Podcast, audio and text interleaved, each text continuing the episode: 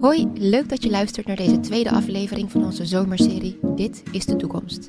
Voor deze serie bracht de Volkskrant zes bekende schrijvers in contact met zes topwetenschappers. En uit die ontmoetingen zijn ook zes spannende verhalen ontstaan.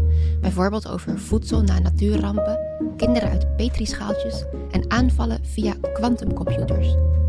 Die verhalen kun je allemaal lezen in de kranten op de site en je kunt er naar luisteren op dit kanaal. En hier praat ik, Laura van der Haar, ook door met zowel de schrijvers als de wetenschappers. En voor deze tweede aflevering zijn we afgereisd naar het landgoed van Jan Terlouw in Twello. En daar ontvangt hij naast ons ook hoogleraar leiderschap en organisatieverandering Janka Stoker van de Rijksuniversiteit Groningen. Ze hebben elkaar al een keertje eerder ontmoet en op basis van die ontmoeting heeft Jan Terlouw een verhaal geschreven over het politieke jaar 2029, waarin Elizabeth, een vrouw dus, de president is van de Verenigde Staten en samen met haar vrouwelijke collega-wereldleiders de wereld probeert te redden. Bedankt Jan dat we hier aan mochten schuiven in uh, dit mooie landgoed. Hebben jullie elkaar ook hier ontmoet? Nee, we hebben elkaar oh. ontmoet in Zwolle. Oh. Daar oh. zijn we bij elkaar gekomen om een eerste gesprek te hebben. En waarom Zwolle? Ja, dat ligt ongeveer tussen Groningen en Twello in. Dus, uh... oh, en is goed bereikbaar, ja. Ja. Wat hebben jullie daar gedaan? Nou, eerst zijn we op de foto geweest en uh, toen daarna hebben we gesproken. Ik vond het wel heel erg leuk, omdat uh, nou, Jan had toen wat eerste ideeën over het onderwerp. En ehm, nou ja, ik doe onderzoek naar, naar leiderschap en naar ook verschillen tussen man en vrouw. Dus daar heb ik wat over verteld. En toen denk ik wel dat we samen tot een soort van beeld kwamen waar zo'n verhaal nou ja, mede over zou kunnen gaan. Ja.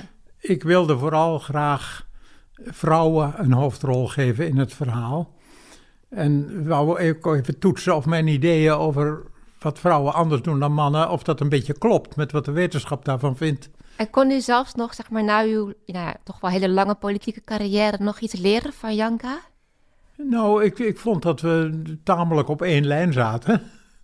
Uh, wat ik vooral heel interessant vond is wat Janka zei, dat vrouwen vooral niet moeten huilen in het publiek. Een man, dat kan nog wel, dat is aandoenlijk, dat hij een traantje wegpinkt. Maar een vrouw wordt blijkbaar, dat wist ik niet, wordt niet gewaardeerd. Ja, dat is funest. Ja, het is, het is, het, voor vrouwen is het heel lastig om uh, een goede leider en een goede vrouw te zijn. Hè? Omdat we bepaalde stereotype beelden hebben van wat een goede leider is. En die is daadkrachtig en die is stabiel. En, en, en, en, vrouwen die vinden we vaak uh, labiel hè? En, en emotioneel. En dat, is niet, dat zijn geen kenmerken van goede leiders. En dus is het voor vrouwen eigenlijk heel gevaarlijk om te laten zien dat ze nou ja, verdrietig zijn of moeten huilen, omdat we dan denken, oeh. Ze hebben toch wel het vooroordeel Het is wel heel emotie. emotioneel. En, uh, en emotioneel en leiderschap gaan niet echt samen. Nee. Maar die eigenschappen meevoelend, medelijdend, uh, empathie, dat mag dan weer wel, hè? Vrouw. Ja, dus, moet misschien zelfs. Ja. Ja, dus ja. wat ik wel heel leuk aan het... Uh, want we hebben natuurlijk toen ook over gehad... over waarom zou het uh, kunnen hè, dat vrouwen dan wel president worden. Omdat we toch van die stereotypes hebben over kwaliteiten van leiders. En het aardig vind ik wel van het verhaal ook... dat je um, op een gegeven moment misschien wel gaat zien... dat sommige kenmerken die we aan vrouwen toedichten... Hè, zoals invoelend zijn en nou ja, misschien wel zorgzaam zijn... Hè, voor de aarde of voor kinderen dat er misschien wel een tijd in deze wereld komt dat we dat ook um, nou ja, verstandig vinden voor leiders. En dat vind ik wel heel aardig aan het verhaal. Uh, ja. Dat je dus eigenlijk zegt van ja, misschien wordt het wel tijd voor leiders uh, waarin dat soort vrouwelijke kwaliteiten goed zijn. En het wil niet zeggen dat vrouwen dat per se hebben, hè, maar dit gaat heel erg over wat we toedichten Mm -hmm. Aan mannen en aan vrouwen. En daar komt dus misschien een tijd dat we bepaalde De kenmerken die we aan vrouwen te krijgen, toedichten, ja. dat we die ook uh, nodig hebben van leiders. Ja, mijn eigen ervaring in de politiek is ik heb veel met vrouwen samengewerkt in de politiek, dat ze concreet en besluitvaardig zijn. Een man, en zeker iemand als ik, die heeft neiging om een grote visie neer te leggen en een prachtig vergezicht enzovoort. En dan over te gaan tot de orde van de dag. En dan zeiden die vrouwelijke collega's, uh, uh, en hoe gaan we dat nou concreet doen? Dus toch daadkrachtiger. Ja, ja besluitvaardig. Besluitvaardiger, ja. ja. Het is wel grappig, want uw verhaal werd volgens mij een klein beetje ingehaald door de actualiteiten. Ik had begrepen dat er een eerste versie was waarin de, de eerste eh, voorzitter van de Europese Commissie in 2029 een vrouw was. En prompt werd ineens Ursula von der Leyen gekozen. Was dat, een uh, grappige verrassing voor u? Nou, ik uh, zat er al op te letten. Ik dacht, daar moet ik op letten, want er komt een nieuwe gaat voorzitter. mijn verhaal niet meer. En stel dat het een vrouw wordt, dan moet ik mijn verhaal herzien. en, en ja. ja, het gebeurde. Keek u daar ook van op? Uh, nou, dat hele proces is natuurlijk, maar dat is niet per se voor deze podcast, maar dat hele proces is natuurlijk wel interessant hoe dat gaat. Uh, ik denk dat het wel steeds, uh, in, in, ieder geval ook binnen de Europese Unie, steeds meer een aandachtspunt is dat we zoveel, net zoveel mannen als vrouwen op leidinggevende positie hebben. Dus dat het nu een vrouw is, past wel een beetje, denk ik, in die tijdgeest, ja. Mm. ja. ja. Dus in die zin verbaast het me niet. Maar dit hele proces is wel verbazingwekkend, maar dat is eigenlijk een ander onderwerp. Ja, inderdaad. Laten we gewoon bij het onderwerp ja. blijven. In het verhaal wordt ook uh, ergens aangestipt dat alle wetenschappen die over mensen gaan heel lastig zijn. Dus in ieder geval veel lastiger dan exactere natuurwetenschappen. Uh, nou ja, Jouw, jouw vakgebied is uh, leiderschap Ja. en organisatiemanagement. Zeg ik dat goed? Organisatieverandering, ja. Sorry, organisatieverandering. Is dat een stuk moeilijker dan de exacte wetenschap? Ja, het hangt natuurlijk maar vanaf. Ik, ik ben de laatste om te zeggen dat, eh, dat exacte wetenschappen makkelijker zijn. Eh, dus ik zou dat niet, niet durven beweren. Wat wel zo is, is dat ehm, mensen natuurlijk eh, ja, misschien wel onvoorspelbaarder zijn dan, eh, dan appels die van bomen vallen. Eh, maar tegelijkertijd weten we ook wel vrij veel over hoe eh, mensen, nou zeg maar, waarom ze bepaalde dingen doen en ook hoe ze over bijvoorbeeld leiderschap denken. En dus het hele idee dat we bepaalde stereotypes hebben over eh, wat een goede leider is en dat we dus ook mensen bepaalde kwaliteiten toedichten omdat ze bijvoorbeeld een man of een vrouw zijn, of omdat ze oud of jong zijn, of omdat ze een bepaalde kleur hebben. Ja, dat weten we natuurlijk uit onderzoek wel heel erg goed. En ehm, ja, dat zie je natuurlijk als je het hebt over vrouwen en leiderschap, zie je dat ehm, eigenlijk de afgelopen jaren dat dat een onderwerp is geweest uh, waar we steeds meer kennis over hebben verzameld. Uh, en een van de dingen die natuurlijk ook veel is onderzocht is, geven vrouwen nou anders leiding dan mannen? En daar hebben we het in Zwolle ook over gehad. Hè? Uh, dat eigenlijk die verschillen binnen groepen veel groter zijn dan tussen groepen. Dus je kan niet zeggen, vrouwen geven heel anders leiding dan mannen. Uh, en het verhaal van Elisabeth is een heel mooi verhaal. Um, en je hoopt eigenlijk dat we ooit een keer zo'n leider krijgen. Tegelijkertijd ja, had ze misschien net zo goed Bruce kunnen heten.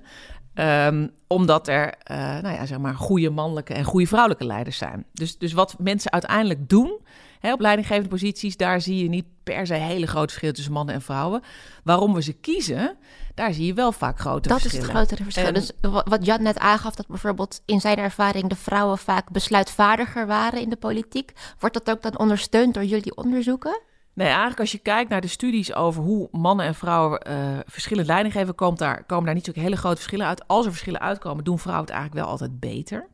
Uh, maar op, eigenlijk op alle leiderschapstijlen. Dus, um, dus zowel op bijvoorbeeld participatief, hè, dus, dus samen besluiten nemen, maar ze zijn ook bijvoorbeeld directiever. Hè, dus ze geven ook meer sturing. En dan is vervolgens de vraag, hoe komt dat? En um, ja, dan is dus de vraag, zijn dat biologische verschillen... of heeft het gewoon te maken met um, het feit dat ze misschien wel beter moeten zijn... om op zo'n positie te komen? En ik denk dat de verklaring, die laatste verklaring eigenlijk veel logischer is. Hè? Die, die een soort compensatie. Nou ja, dat je voordat je gekozen wordt, uh, moet je wel echt vaak bewezen hebben dat je het kunt. Ter, terwijl uh, we bij mannen misschien eerder denken, nou ja, weet je, die ziet eruit als een man, ziet eruit als een leider, dus die kan dat wel. Uh, dus dat is vaak een verklaring waarom vrouwen misschien iets beter doen. Maar de echt zeg maar, fundamentele verschillen in de manier waarop ze leiding geven, die komen eigenlijk niet uit onderzoek. Uh, wel komt natuurlijk uit dat we inderdaad denken dat vrouwen andere kwaliteiten hebben uh, dan mannen. Dus die compassie die Jan net noemde, invoelend zijn, meegaand. Uh... Nou, dat zijn eigenlijk, dat zijn eigenlijk stereotype mm. kenmerken, feminine kenmerken. En er zijn natuurlijk ook feminine mannen en er zijn hele masculine vrouwen. Mm. Even over dat verschil tussen de menswetenschappen en natuurwetenschappen.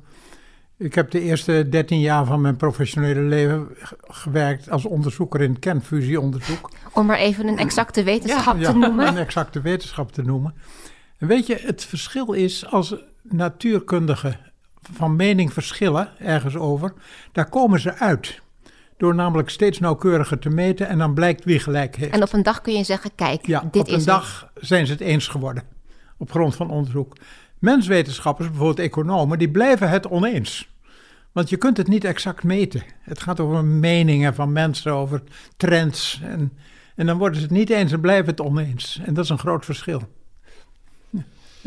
Op die manier lijkt het me inderdaad een stuk moeilijker om de menswetenschap te bedrijven. Dus dat is zo. En er is natuurlijk discussie en je hebt de ene studie versus de andere studie. Tegelijkertijd denk ik dat bijvoorbeeld uh, gedrag observeren en gedrag meten en uh, zeg maar uitkomsten van gedrag meten, dat je daar natuurlijk wel um, ook wel met enige exactheid dingen over kunt zeggen. Hè? Dus je kunt mensen natuurlijk bepaalde situaties voorleggen en dan zeggen, nou, weet je, wat voor, wat voor keuzes maken ze? Hè? We blijven het niet altijd oneens, maar soms. Hè? Ja, precies. Dus, dus ook, ook daarvoor geldt denk ik dat we uh, steeds beter in staat zijn om uh, nou ja, zeg maar, op een goede manier bijvoorbeeld gedrag te meten en uitkomsten van gedrag te meten. Dus ik denk dat we daar Misschien zijn we het, hè, misschien zijn er natuurlijk nog steeds mensen die uh, ook in de sociale wetenschap die discussies hebben, vervolgens ook weer over de uitkomst van het onderzoek en hoe duiden we dat dan. Tegelijkertijd denk ik, nou, we komen ook wel steeds verder. Maar zo exact zal het natuurlijk nooit worden. Nee, dat, dat, uh, misschien moet je dat ook niet willen. Nee, dat is ook dat is mooi in het leven. Dat de dingen niet allemaal hetzelfde zijn. en uh, wat denkt u over tien jaar een vrouwelijke president in de Verenigde Staten? Oh, dat zou heel goed kunnen. Ja, ook wel eerder. Dat zou heel goed kunnen. En China, zou het daar ook kunnen? Dat is een stuk moeilijker te overzien. Hè? Lijkt nog niet erg waarschijnlijk. Maar goed, het is dan ook een, uh, een roman of een verhaal. Hè? Ja, die hopelijk ooit werkelijkheid wordt. Want... Het, het, je weet dat nooit. Er kan in tien jaar ontzettend veel veranderen. Ja. En we hebben niet zoveel inzicht, maar er verandert wel veel in China hoor. Dus wie weet dit ook. En die structuur laat het nu nog niet goed toe, waarschijnlijk? Huh? Die structuur laat het nu nog niet zo goed toe? Nee, nu lijkt het nog behoorlijk onwaarschijnlijk. Maar ja, in tien jaar kan er veel veranderen in deze wereld hoor. Mm -hmm. In het verhaal is er wat betreft klimaatprobleem volgens mij niet zo heel veel veranderd nog. Het is nog steeds, er wordt beschreven als de oplossingen zijn een soort nou ja, gerommel in de marge, ook in 2029 nog. Ik ben ervan overtuigd dat wat ik in het verhaal heb geschreven, dat dat kan. Dat is geen volstrekte illusie, dat zou heel goed kunnen. Als de politiek besluitvaardiger wordt en de nood hoger. Ja. ja.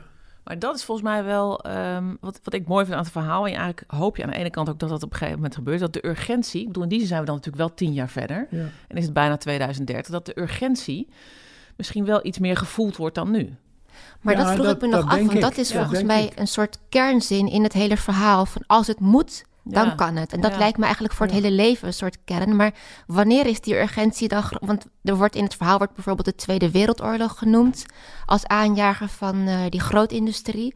Wanneer is nu dan zo'n punt, nu moet het? Oh, kijk, als je kijkt naar het overgaan naar duurzame energie... is niet een technisch-wetenschappelijk probleem. dat kan. Er is, het is duurzame een leiderschapsprobleem in dus. overvloed. Dus. Het is economisch wel een probleem, omdat er heel veel desinvesteringen dan zullen zijn en nieuwe investeringen nodig. Maar het geld is er best. En in een tempo van 10 of 20 jaar kan ook dat heel goed. Geeft nieuwe werkgelegenheid enzovoort. Nee, het, politiek, het probleem is maatschappelijk en politiek. Politiek heeft het moeilijk als de mensen niet willen. Je krijgt iets niet voor elkaar als de mensen niet willen. Waarom zouden ze dit nou niet willen? Omdat ze het niet weten. Want als het echt tot mensen doordringt, jongens, dit doen wij onze kinderen aan, ja, dan zullen ze het willen. En wiens verantwoordelijkheid is dat dan? Ze weten het niet. Ja, omdat, en daar dat voorbeeld van Pearl Harbor. Na Pearl Harbor zei president Roosevelt tegen zijn Amerikanen: Hebt u het gezien? Dan snapt u wat we gaan doen, hè? We gaan over op een oorlogsindustrie. En de bevolking zei: Maar natuurlijk. Tuurlijk. Geen broodroosters, tanks twee, drie jaar geleden zei president Obama tegen de Amerikanen: Mensen, we gaan over op duurzame energie. En de Amerikanen zeiden: Hè, hoezo? Waarom? Want ze weten het niet. En dat is het grote verschil. En, als, en we hebben dus allemaal de taak, het onderwijs en de wetenschap en de, de politiek en, en, en iedereen om de mensen te laten weten wat er aan de hand is. Dan zullen ze het willen. En het, zoals het verhaal laat zien, dan kan het ook. En is zo'n omstandigheid als nu, is dat dan heel moeilijk voor daadkrachtig leiderschap? Dat er, er eigenlijk tegenaan hikt, maar nog net niet genoeg bewustzijn is waarschijnlijk? Nou, volgens mij spelen er in ieder geval twee dingen. Eén is dat hè, doordat er geen urgentie is, is het dus heel moeilijk om een soort langetermijnperspectief te hebben. Eh, dus, dus uh, je vraagt eigenlijk van Lijs, en dat vind ik wel heel mooi ook in het verhaal, dat je dus zegt van, daardoor word ik, word ik waarschijnlijk niet herkozen. Hè? Dus wat je ziet Oh ja. is dat, dat politici natuurlijk altijd te maken hebben met een cyclus die veel korter is dan dit probleem. Ja, vier jaar in plaats van 2050. Of... Ja, dus, dus dat is één. En twee is dat dus politiek, ehm, hè, dus bezig zijn met je eigen belang versus het afstand doen van je eigen belang, dat dat dus voor politici misschien altijd wel de opgave is. Uh, maar dat het juist met dit soort vraagstukken gewoon heel erg lastig is. Want dit is Ja. dus, gaat je, dit ga jij niet oplossen in jouw termijn. Maar mensen moeten gaan zien dus dat het wel degelijk hun belang is Ja. om het te doen. Ja, Namelijk het belang van hun kinderen. En dat kan mensen heel veel schelen, het belang van hun kinderen. ja. Maar En dat was doet... dus wat, is, wat ik dus heel leuk vond aan het verhaal. Is dat je eigenlijk zegt dat als we dat gaan zien, dat vrouwelijke leiders dan dus in het voordeel zijn. Want dat is nou juist een kwaliteit die we eerder toedichten aan vrouwen. Hè? Dat die dus eh, nou ja, nadenken over hun kinderen. Want dat is natuurlijk heel vrouwelijk. Dus dat er eindelijk is. Dat een- doen mannen een- toch ook? Nou, maar dat, dicht, dat is nou een stereotype dat we toch eerder bij een vrouw hebben dan bij een man. We denken, nou, dat is inderdaad wel geloofwaardig. Dat die wil zorgen voor nou ja, de nalatenschap voor haar kinderen. Een vrouw is zoveel meer compleet mens dan een man, hè? omdat ze een kind baart. Omdat het negen maanden en heel dicht bij de aarde is daardoor. En een vrouw weet meer dan een man, want die maakt dit mee. Nou ja, zie, dus dat, dus dat gebeurt er, volgens mij. Dat mensen Ja. denken, nou, dus, dus een, bij een vrouw is het geloofwaardiger. Dus wat ik mooi vind aan het verhaal is dat je eigenlijk zegt van, nou ja, als we in ieder geval, als we het met die stereotypes te maken hebben, dan kan dit wel eens een groot voordeel zijn van vrouwelijke leiders, omdat we het geloofwaardig vinden. ehm, dat in dit geval deze drie vrouwen, en eigenlijk dus vrij daadkrachtig en vrij masculien te werk gaan, want ze, gaan, natuurlijk- ze gebruiken hun macht. En dat beschrijft Jan ook heel mooi, hè? We, we gebruiken onze macht. Eh, maar het is geloofwaardig, omdat het vrouwen zijn. Mhm. En is het ook geloofwaardig dat zoiets lukt met bijvoorbeeld eh, de president van de VS, de president van China en de voorzitter van de Europese Unie, commissie? Nou, dan heb je bij elkaar toch al een heleboel. Is dat hè? genoeg? Kijk, de Sovjet-Unie, of eh, zo, nee, zo heet dat niet meer, Rusland. Rusland is een groot land, maar hun economie is niet groter dan die van de Benelux. Oh, Dus de economische macht van, van Rusland is echt klein in vergelijking tot China en Amerika en de Europese Unie. Dus dit is gewoon reëel eigenlijk. Het is reëel, ja. Ze hebben natuurlijk een politieke macht hè? Ja. En, een, en een getalsmatige macht. Maar economisch stelt, dus- stelt Rusland niks voor. Hm. Want dat wordt ook in het verhaal genoemd als een soort, ehm, ja, dat het probleem dat, de- dat de politiek eigenlijk nog te nationaal is. Ja. Dat de, ja, die, die, de, de lasten moeten gewoon collectief gedragen worden voor duurzame energie. En dan heb je eigenlijk een soort overkoepelende regering nodig. Dus niet meer nationale regeringen, maar één groot. Ja, bij zo'n soort Internationaal oplossing bestuur? als in dit verhaal kan, de, de, kan Rusland niet een economische tegenmacht opbrengen, maar wel een politieke. Die kunnen daar politiek tegen gaan liggen en het moeilijk maken. Maar goed, dat heb ik natuurlijk allemaal niet behandeld. Dat maakt het 4000 te woorden is niet zoveel. Maar, maar zou je zoiets kunnen opbouwen? Een soort internationale macht of regering of bestuur? Of is het meer zoals u dat beschreef, in overleg tussen naties? Ik denk als het nodig wordt, en het wordt steeds nodiger als de hagelstenen nog dikker worden, de verwoestijning in bijvoorbeeld Californië nog harder toeslaat, Nog meer eikenprocessierupsen? nog meer eikenprocessierupsen, dan wordt de urgentie zo groot dat, dat ook de politiek steun zal krijgen om iets te doen, denk ik. Ja, want wie, ja, dat is een beetje de vraag. Wie, wie heeft nu dan bijvoorbeeld de meeste macht om zoiets te doen? Op het ogenblik is, is de macht vooral bij China en Amerika om economische reden. De, de, de kapitaalstromen, hè, dat is die economische machten die regeren op het ogenblik de wereld.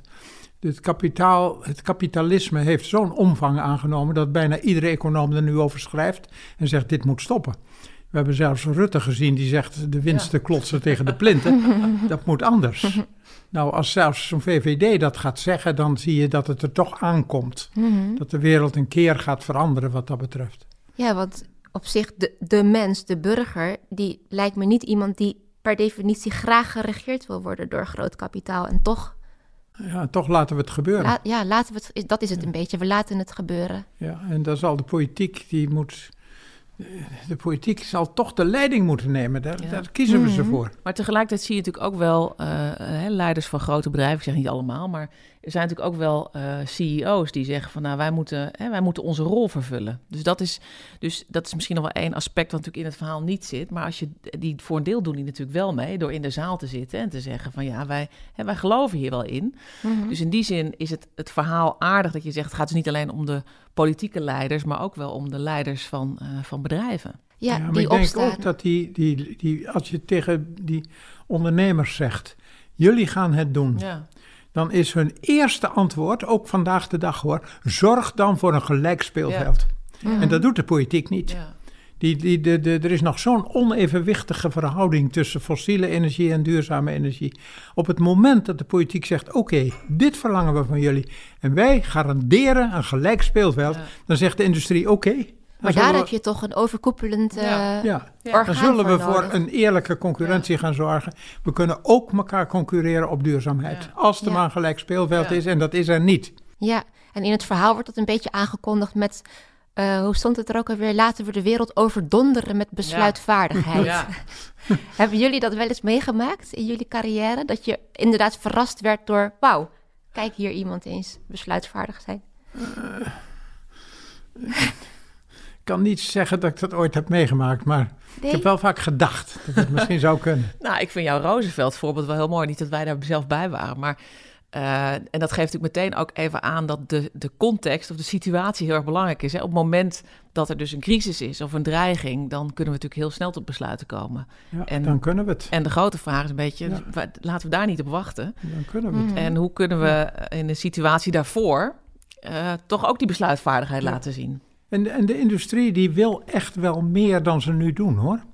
Je ziet het bij allerlei conferenties van ondernemers. Maar hoe, en die zeggen vaak, we moeten, het, we moeten dat toch gaan invullen. Dus overheid, doe iets. Zo eindigen ze altijd. Ze vragen eigenlijk bij wijze van spreken bijna aan de overheid om ze aan de hand te nemen. Ja, je ziet nu, waar vroeger altijd het ondernemerschap zei... overheid blijft er vanaf en wij regelen het. Zeggen ze nu, overheid, doe iets. Maak een gelijk speelveld.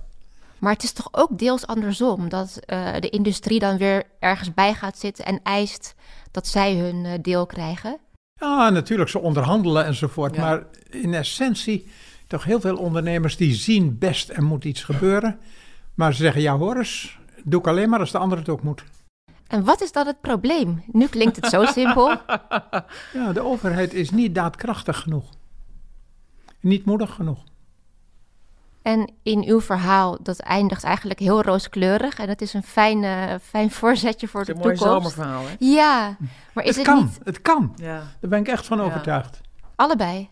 Nou, ja, ik denk, uh, ik denk ook dat het kan. Uh, en het... Um, het vergt gewoon wel veel van uh, leiders die het durven en dus over hun eigen schaduw heen durven te stappen. Eigenlijk is natuurlijk wat je, dat, dat is wat je beschrijft. Mm -hmm. ja, waarom zou het niet kunnen? Ja ja, over hun eigen schaduw heen stappen en vervolgens nog een keer dat hele grootkapitaal meekrijgen. Ja, maar je ziet. Kun je dus- dwingen. Dus volgens mij, dus, dus in die zin, wat, wat in het verhaal van Jan wel heel erg mooi is, volgens mij, is dat je dus, die, dus de, de macht moet bundelen. En uh, ja, in, vanuit dat perspectief, ik, dan, kan er dus, dan kan je dus ook dwingen vervolgens. Dat lijkt me heel mooi om bij af te sluiten. Misschien nog één vraag. Wat, waar putten jullie hoop uit voor de toekomst? Ik put de hoop eruit dat de wereld toch, ondanks alles, aan één stuk door vooruit gaat. Niet alleen in welvaart, maar ook in moraliteit.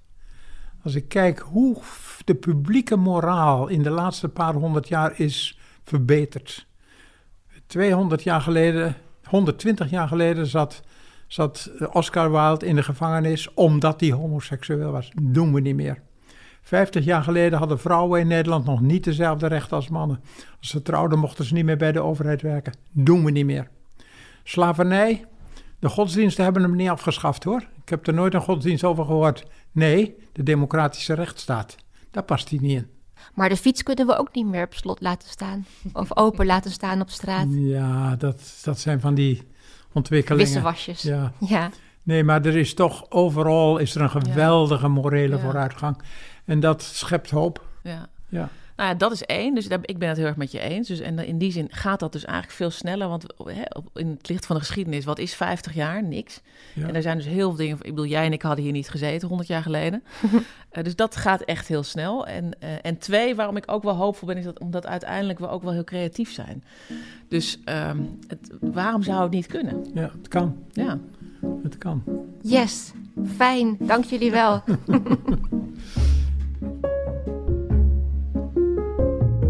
Dankjewel voor het luisteren naar Dit is de Toekomst. Als je het leuk vond, abonneer je of laat een recensie achter of wat sterretjes. En je kunt ook lid worden van onze podcastclub op Facebook. Dan kun je lekker doorpraten over podcasts. Nou, volgende week ben ik er weer. Dan weer gewoon in Amsterdam. En dan zitten bij mij in de studio schrijver en filosoof Maxime Februari en microbioloog John van der Oost. Maxime schreef een indringend verhaal over een wereld waarin we van alles kunnen kweken in kleine petrischaaltjes misschien zelfs wel kinderen. Tot dan!